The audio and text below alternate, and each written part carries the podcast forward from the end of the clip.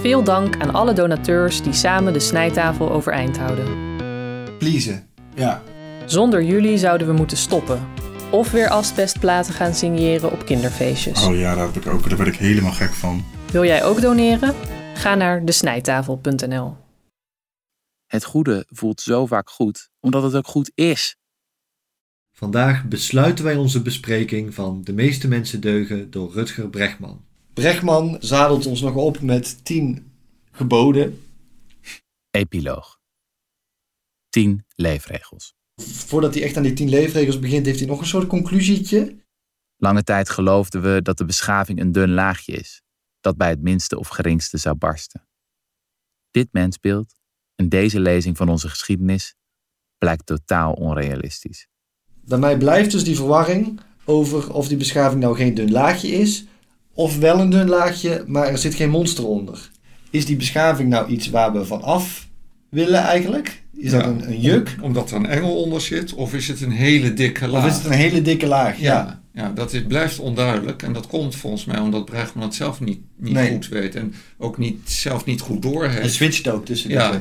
ja. En ook in dat college dat hij gaf, zegt hij weer, laag is dikker geworden. Ja, En ja. Enthousiast. Het vernis van de beschaving bleek niet zwak, dat het meteen brak. Nee, het groeide juist ietsje aan, zou je kunnen zeggen. Terwijl, ja, op een ander moment zegt Dat hij van als die laag breekt, dan wordt het ja, dan komen als de dijken kapot gaan enzovoort. Juist als de bommen uit de lucht vallen of de dijken breken, komt het beste in ons naar boven. In noodsituaties Ja. en in die natuurstaat, toen waren we juist goed. Ja. Eh, juist toen die, er nog geen vernis over zat. Ja. Nee. Als zijn stelling is, het is een dikke laag, dan zit hij meer op de lijn van Steven Pinker, Ja. zou ik zeggen. En Ja. dan denk ik dat ik er een heel eind in mee kan. Ja, ik ook. Maar het is een dun laagje en we moeten er doorheen breken, vind ik een heel gevaarlijk eh, standpunt. Ja. Revolutionair op een heel gevaarlijke manier. Ja. Zoals ik er tegenover sta, is de titel van het boek niet goed. De meeste mensen deugen. Want het is namelijk het antwoord op een verkeerde vraag. Het is het antwoord op de vraag: deugen de meeste mensen nou wel of niet? Hm. En het antwoord de meeste mensen deugen is niet een goed antwoord. En het antwoord de meeste mensen deugen niet Hm. is evenmin een goed antwoord.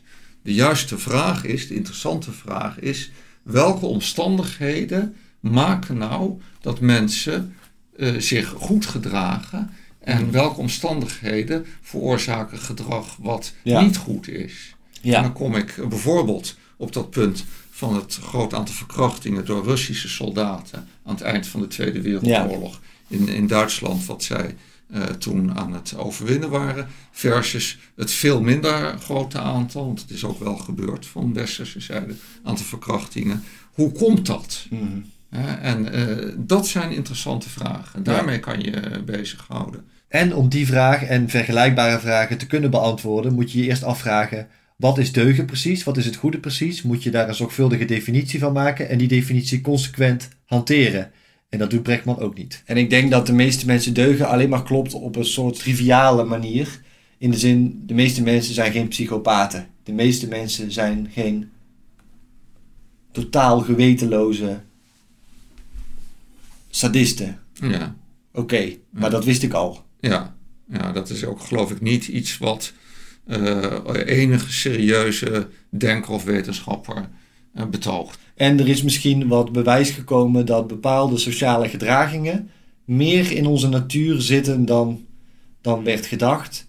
Dus dat het niet allemaal cultuur is, dat er ook wel wat, wat genetische aanknopingspunten zijn voor bepaald sociaal gedrag, zoals peuters die al eerlijk een taart delen en zo. Maar dat zijn allemaal heel beperkte conclusies die geen aanleiding geven, vind ik, tot zo'n Ja. titel of zo'n boek. Ik vind overigens niet dat het ene waardevoller is dan het ander.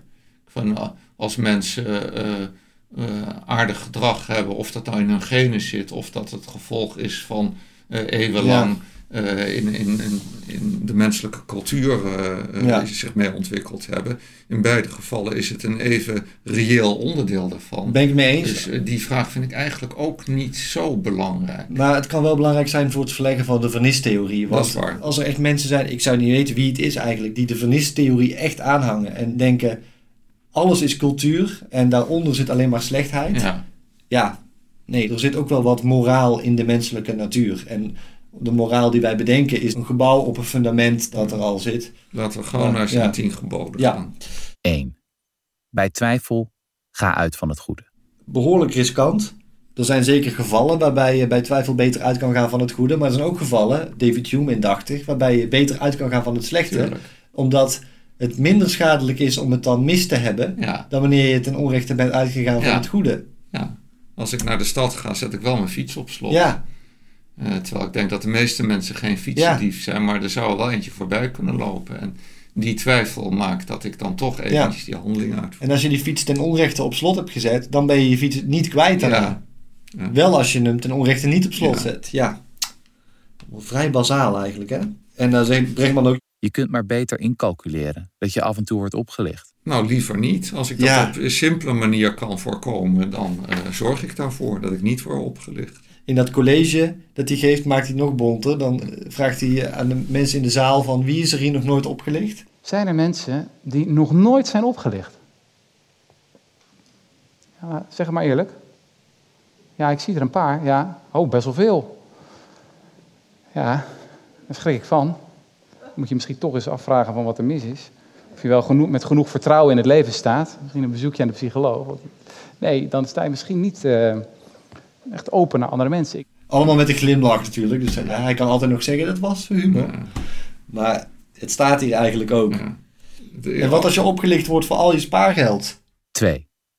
Denk in win-win scenario's. Ja, zoals handel vaak is, zoals Ja. een markt vaak is. Waar Brechtman helemaal niet zo enthousiast over doet. Kijk, eh, maar- win-win scenario's zijn natuurlijk prima. En als win-win scenario mogelijk is, dan moet je natuurlijk daarvoor kiezen. Ja. En dat doen we inderdaad al vaak in marktsituaties, eigenlijk bijna dagelijks. Mhm. En De bakker wil graag geld en ik wil graag een brood. Ja. Dus we winnen er allebei Ja. op, maar we zijn er ook heel blij bij. Maar dat zijn natuurlijk niet de interessante situaties. De interessante situaties zijn die waarbij eh, dingen op scherp staan. Hm. Win-win is natuurlijk helemaal niet altijd mogelijk. Ja. Ik heb het eerder gehad over dat vlot van de Meduze. Ja. Waarom hebben die mensen die in een sloep zaten en dat vlot aan het voortrekken waren over zee, waarom hebben die het touw doorgesneden? Zij moesten kiezen tussen gaan we onszelf benadelen Mhm. en daardoor een grotere kans hebben te overlijden op Ja. zee, of gaan we ervoor kiezen die andere groep te Ja. benadelen? En eh, ja, dan is er geen win-win scenario. Stel nou dat er echt gewoon door klimaatverandering veel te weinig leefbare delen op aarde zijn. Ja, ja. Dan wordt het echt mijn gebied eh, Ja. waar ik kan wonen, of dat van Ja. jou. Dan kom je met deze roze, wollige Brechtman-adviezen natuurlijk nergens. Nee, Het is ook een volstrekte, vrijblijvende losse vlodder. En dan schrijft Brechtman nog... Het mooie is nu juist dat we in een wereld leven waar het goede ook goed voelt. Eten vinden we lekker omdat we zonder eten doodgaan. Seks vinden we lekker omdat we zonder seks uitsterven. Helpen vinden we lekker omdat we zonder elkaar verpieteren. Het goede voelt zo vaak goed omdat het ook goed is.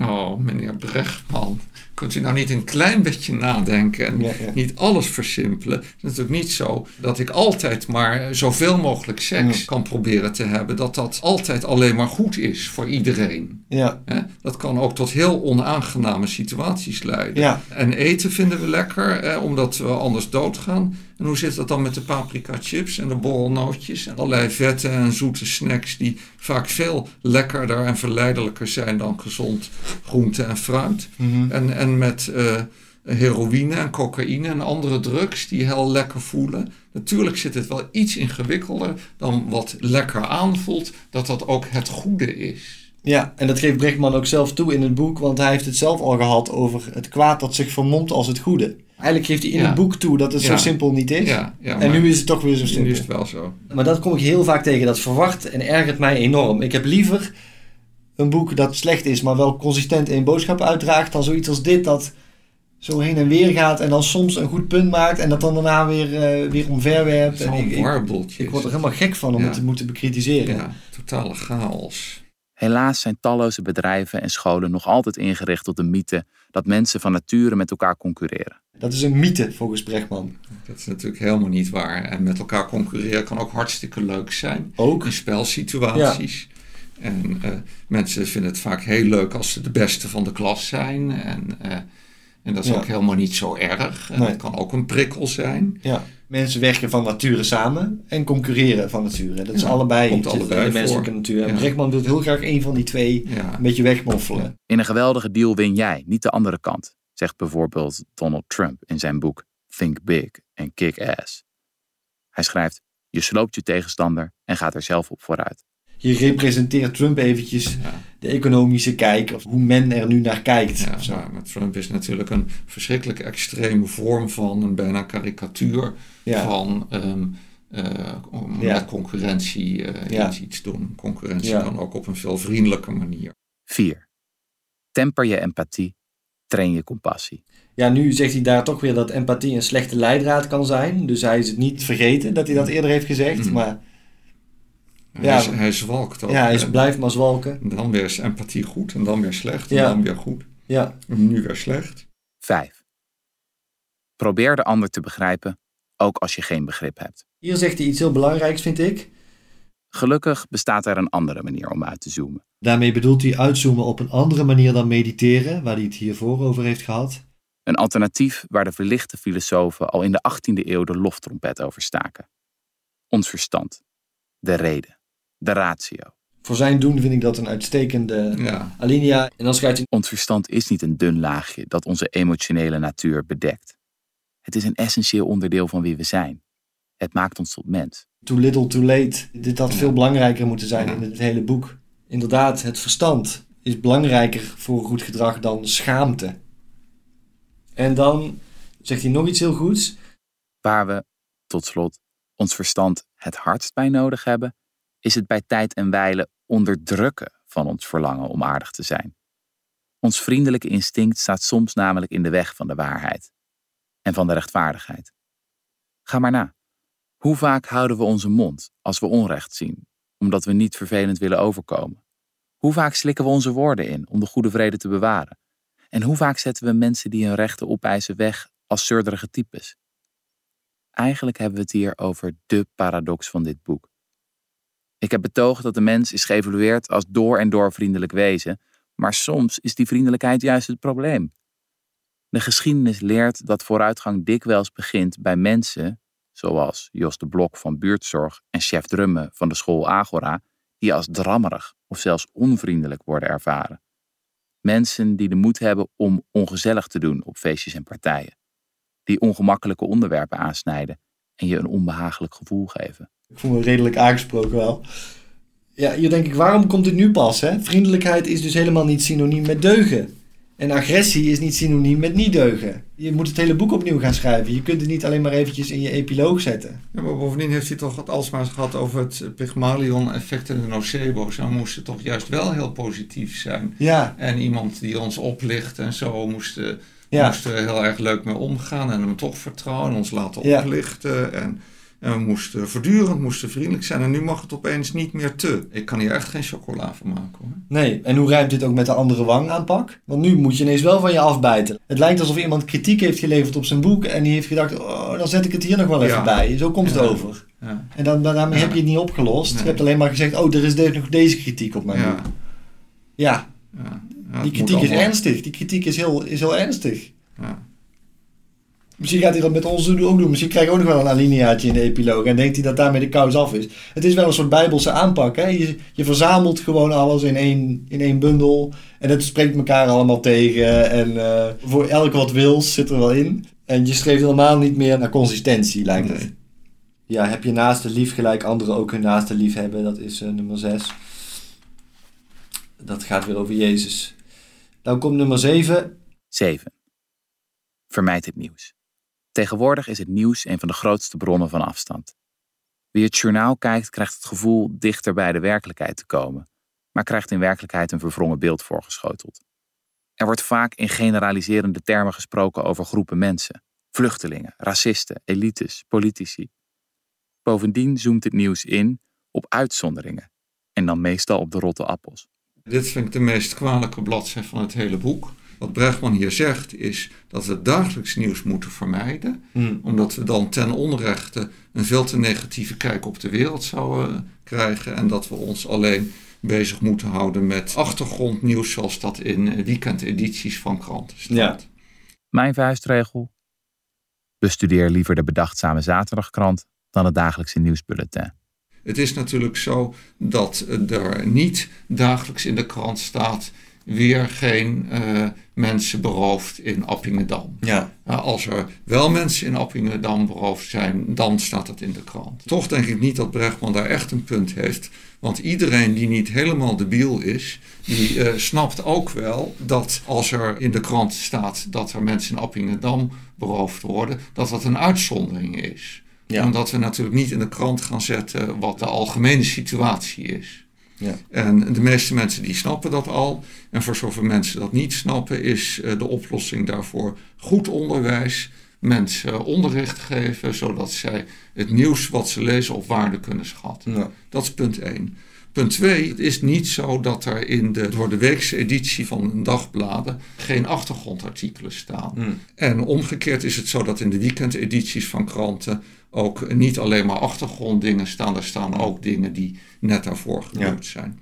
Maar uh, waar het om gaat is, uh, wanneer Brechtman negatief doet over dagbladjournalistiek, dat hij iets doet wat echt helemaal niet kan, omdat die dagbladjournalistiek is eigenlijk van levensbelang bij het bestrijden van onrecht en misstanden. Hmm. We moeten op zijn minst kennis ervan nemen dat er uh, allerlei dingen mis in de wereld zijn. Willen we stelling kunnen nemen? Willen we bijvoorbeeld via een mensenrechtenorganisatie of een milieuorganisatie of een politieke partij of zelfs gewoon bescheiden in het stemhokje daar enige invloed op kunnen uitoefenen?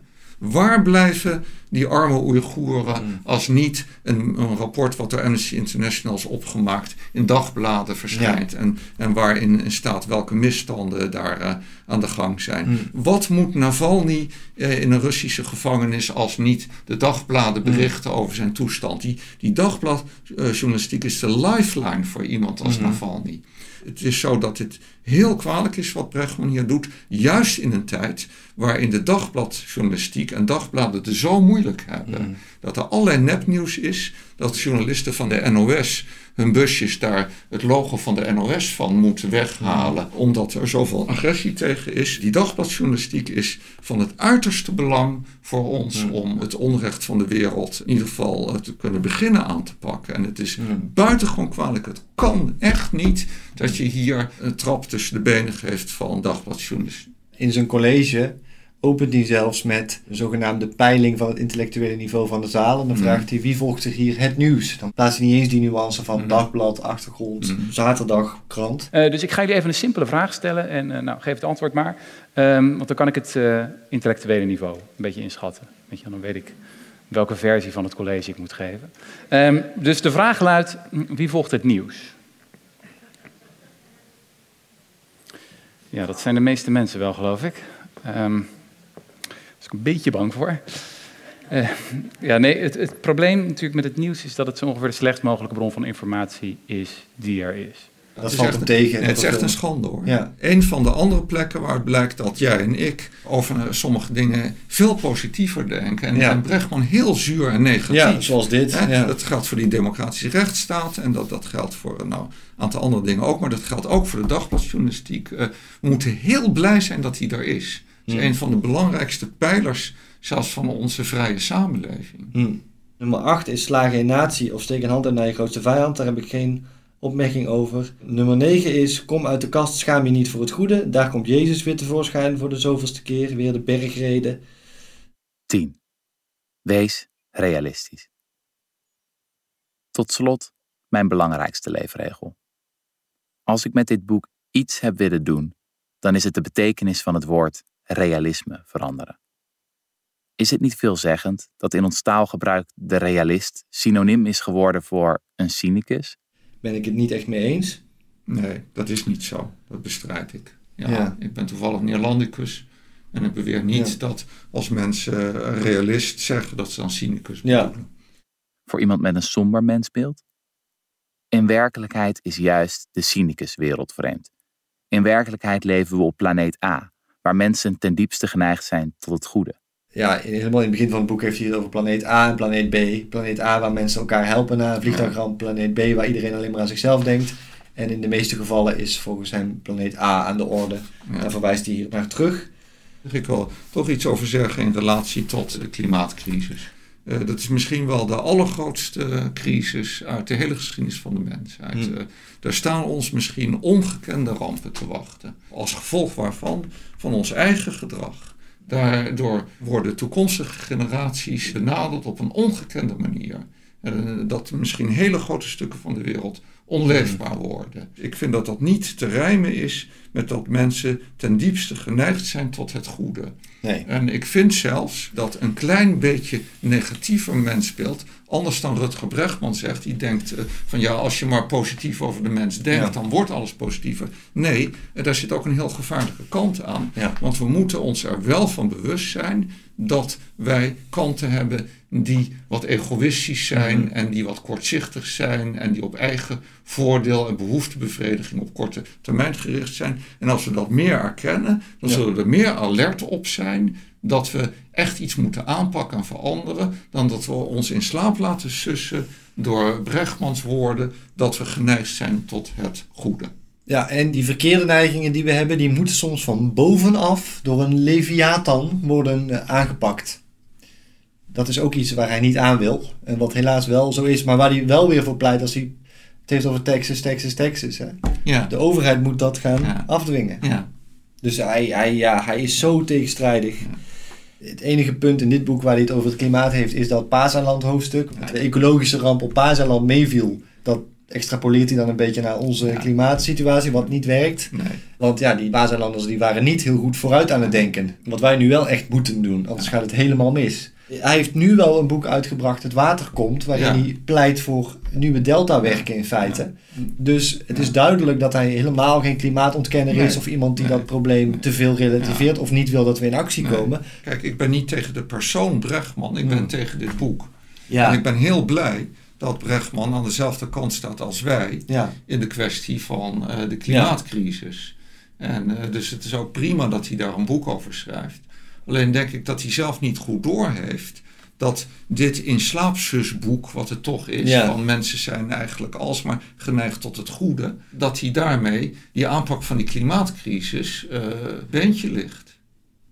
ja. Zelfs mensen die zich gewoon helemaal laten misleiden en iets verschrikkelijks gaan doen met Ja. het idee dat dat misschien wel deugt, die deugen ook. Kameradschaft. En de enige die die niet bereid is te redden zijn de machthebbers. Ja, ja, Daar heeft hij nou geen excuus voor, terwijl hij het excuus wel paraat heeft. Want hij heeft de schaduwkant van empathie bericht. Dus die kan hij gebruiken om de machthebbers eigenlijk te redden. Dus zeggen, macht heeft ook positieve kanten. ja. Maar dat doet hij niet. De machthebbers die hangen. En verder besluit hij iedereen gewoon eh, te redden door, de, door deugen steeds anders te definiëren. En eigenlijk zo ver uit te kleden dat er niks van over is. ja. En dan, daar moeten we dan blij mee zijn. Daar moeten we dan blij van worden. En, en vervolgens is het enige wat hij nog kan zeggen... Ja, maar dat je daar blij van wordt, dat maakt de wereld dan... Ja. Tot, eh, dat gaat de wereld verbeteren. Ja. Want nu heb jij een positief mensbeeld... Ja. en ook al klopt het niet... Dat gaat zorgen dat jij eh, super complementair gaat handelen... en dat, eh, dat alles in orde komt. En daar geloof ik ook niet in. Ik krijg soms het idee dat het doel van het boek is... een soort placebo te zijn... of een soort groot Pygmalion Hmm. om ons een positiever mensbeeld te geven... zodat het als een self-fulfilling prophecy uit gaat komen. Ik weet niet of Brechtman ook die strategie zou kiezen om het boek te verdedigen, want dan heb je de feitelijke juistheid al aan de wilgen gehangen, als dit Ja. je doel is. Ehm, en ik vind dat eh, om te beginnen heel paternalistisch om zo te denken, als dat het is. Van, eh, ik, ik neem een loopje met de feiten, maar uiteindelijk wordt de mensheid daar wel beter van. Eh, ik moet de le- lezers een beetje voorliegen, ik moet de boel een beetje manipuleren, want dan krijgen we dat, dat effect dat ik zoek. Het maakt ook dat lezers die erachter komen dat je niet serieus bent, die je niet meer gaan geloven. Bijvoorbeeld dat nieuwe boek over zeespiegelstijging van hem. Als ik dat lees, ga ik heel erg twijfelen aan wat hij allemaal beweert. Dus Ja. dat is schadelijk voor Ja. iemand die erachter komt. Ja. En dat is, dat is ook met placebo's zo. ja. Ehm, dat paternalisme is schadelijk. En een te positief mensbeeld is schadelijk. Een naïef positief mensbeeld dat te weinig rekening houdt met de risico's van de mens, zal ik maar zeggen, de, de bijsluiter, is ook heel gevaarlijk. Kan tot even ernstige misstanden leiden Ja. als een te negatief Ja. beeld van de mens. Ja, ik vind dat dit boek duidelijk maakt dat Brechtman een voorbeeld is van confirmation bias. Ja, Hij is voortdurend op zoek naar dingen die bevestigen dat de meeste mensen deugen. Informatie die dat tegenspreekt, die behandelt hij op een hele luchtige manier en grotendeels helemaal niet. We hebben daar Ja. hele belangrijke voorbeelden van gezien. Je kan daar eindeloos veel over vertellen. Brechtman heeft het daar gewoon niet over. Ja. Hij zoekt voortdurend naar dingen die in zijn straatje te pas komen. En dat leidt tot potsierlijke verdraaiingen van de feiten. Ik wil toch dat nog één keertje onderstrepen dat op bladzijde 1 van het boek, het is geloof ik in de, in de tweede alinea, dat hij een, een, een Britse generaal citeert die zich ongerust zou maken over de op handen zijnde aanval van Hitler op Groot-Brittannië. Ja. Die uitspraak is totaal niet door die Britse generaal gedaan toen. Die generaal die heeft zijn uitspraak gedaan, heeft kennelijk op iets heel anders betrekking gehad. Tien jaar voordat Hitler aan de macht kwam. En dat was een generaal die toen aan de vooravond van de Tweede Wereldoorlog pro-Hitler was. Op de verjaardag van Ja. Hitler was. Zo ernstig zijn de verdraaiingen in dit boek van Bregman. Toevallig hebben we in eh, voorjaar 2021 hebben we meegemaakt in Delft dat een zeer vooraanstaande hoogleraar natuurkunde, eh, Leo Kouwenhoven, die een, een onderzoeksgroep leidde die onderzoek deed naar eh, eh, eh, deeltjes die, die betrekking hebben op de quantumcomputer. Die heeft eh, moeten toegeven dat zij het slachtoffer geworden zijn van confirmation bias. Die onderzoeksgroep was jarenlang bezig te proberen te bewijzen dat het Majorana-deeltje bestaat. En die hebben een artikel gepubliceerd in Nature waarin zij vaststelden dat ze dat deeltje gevonden hadden. Dat bleek niet zo te zijn. Eh, en ze hebben toegegeven, nee, wij hebben eigenlijk de, de onderzoeksresultaten die ten gunste waren van, eh, van dat deeltje, die hebben we bekeken. En andere onderzoeksresultaten die eigenlijk dat uh, ontzenuwden hebben buiten beschouwing gelaten, hebben een vertekend beeld voorgespiegeld. En Leo Kouwenhoven en zijn groep die hebben dat artikel teruggetrokken. Er komt een integriteitscommissie, of die is er al en die onderzoekt uh, de zaak. Uh, dat hoeft wat mij betreft bij Bregman niet te gebeuren, maar ik denk dat Bregman ook dit boek, dat moet hij terugnemen. Hij moet de exemplaren die nog in de boekhandel liggen terughalen. Dit kan echt niet, zo'n boek als Ja. dit. Ik denk dat de vergelijking met Leo Kouwenhoven ook eervol voor hem is, want dat is echt ook een eminente geleerde. Ja. Dit kan je overkomen en dan kan hij misschien gaan nadenken over een nieuw boek, waarin hij wel heel serieus onderzoek doet naar welke factoren dragen nou bij aan een gunstige situatie Ja. waar mensen zich goed gedragen, plezierig gedragen. En welke factoren dragen bij aan het tegendeel. Ja, waarin hij ook die hele akelige, duistere kant Ja, in de ogen durft te ja, kijken. durft te kijken en bespreekt ook genuanceerd, maar eh, waar hij eh, wel daar eh, niet van wegkijkt. En daar wil ik hem veel succes bij wensen. Je kan je natuurlijk afvragen, hoe heeft dit kunnen gebeuren? Dat zo'n boek wat van de baarlijke nonsens aan elkaar hangt, wat zichzelf voortdurend tegenspreekt, eh, de feiten verdraaid weergeeft, hoe heeft het zo'n succes kunnen zijn? Dat is een interessant fenomeen, denk ik. En ik wil een, een vergelijking trekken met de schilder Han van Meegeren. Een oplichterschilder die in de eerste helft van de 20e eeuw werkzaam was en was een vervalser. Hij beweerde dat het schilderijen van Vermeer waren, van Johannes Vermeer. Nou, wat interessant is, is dat in die tijd uh, het hem heel goed lukte om ook uh, beroemde kunstkenners daarmee op te lichten. Mm. Terwijl als wij nu naar die schilderijen van Van Meegeren mm. kijken, ook mensen die geen kunstkenner zijn, zoals mm. ik zelf, we zien meteen, dit is natuurlijk geen Vermeer. Ja. Dit lijkt helemaal niet op Vermeer. Wat het fascinerende ervan is, dat kennelijk iedere tijd een bril heeft, waardoor we naar iets kijken en we bepaalde aspecten niet zien. Mm. En andere kennelijk heel graag zien mm. of willen zien. En ik denk dat met dit boek iets dergelijks aan de hand is. Mm. Het boek klopt van geen kanten, maar kennelijk op dit moment, in deze tijd, is het iets wat mensen zo plezierig vinden om te vernemen, uh, dat ze als het ware gehypnotiseerd worden, betoverd worden en het uh, volkomen onkritisch lezen. Ook dat is een interessant aspect, wat eigenlijk een bespreking op zich uh, zou verdienen.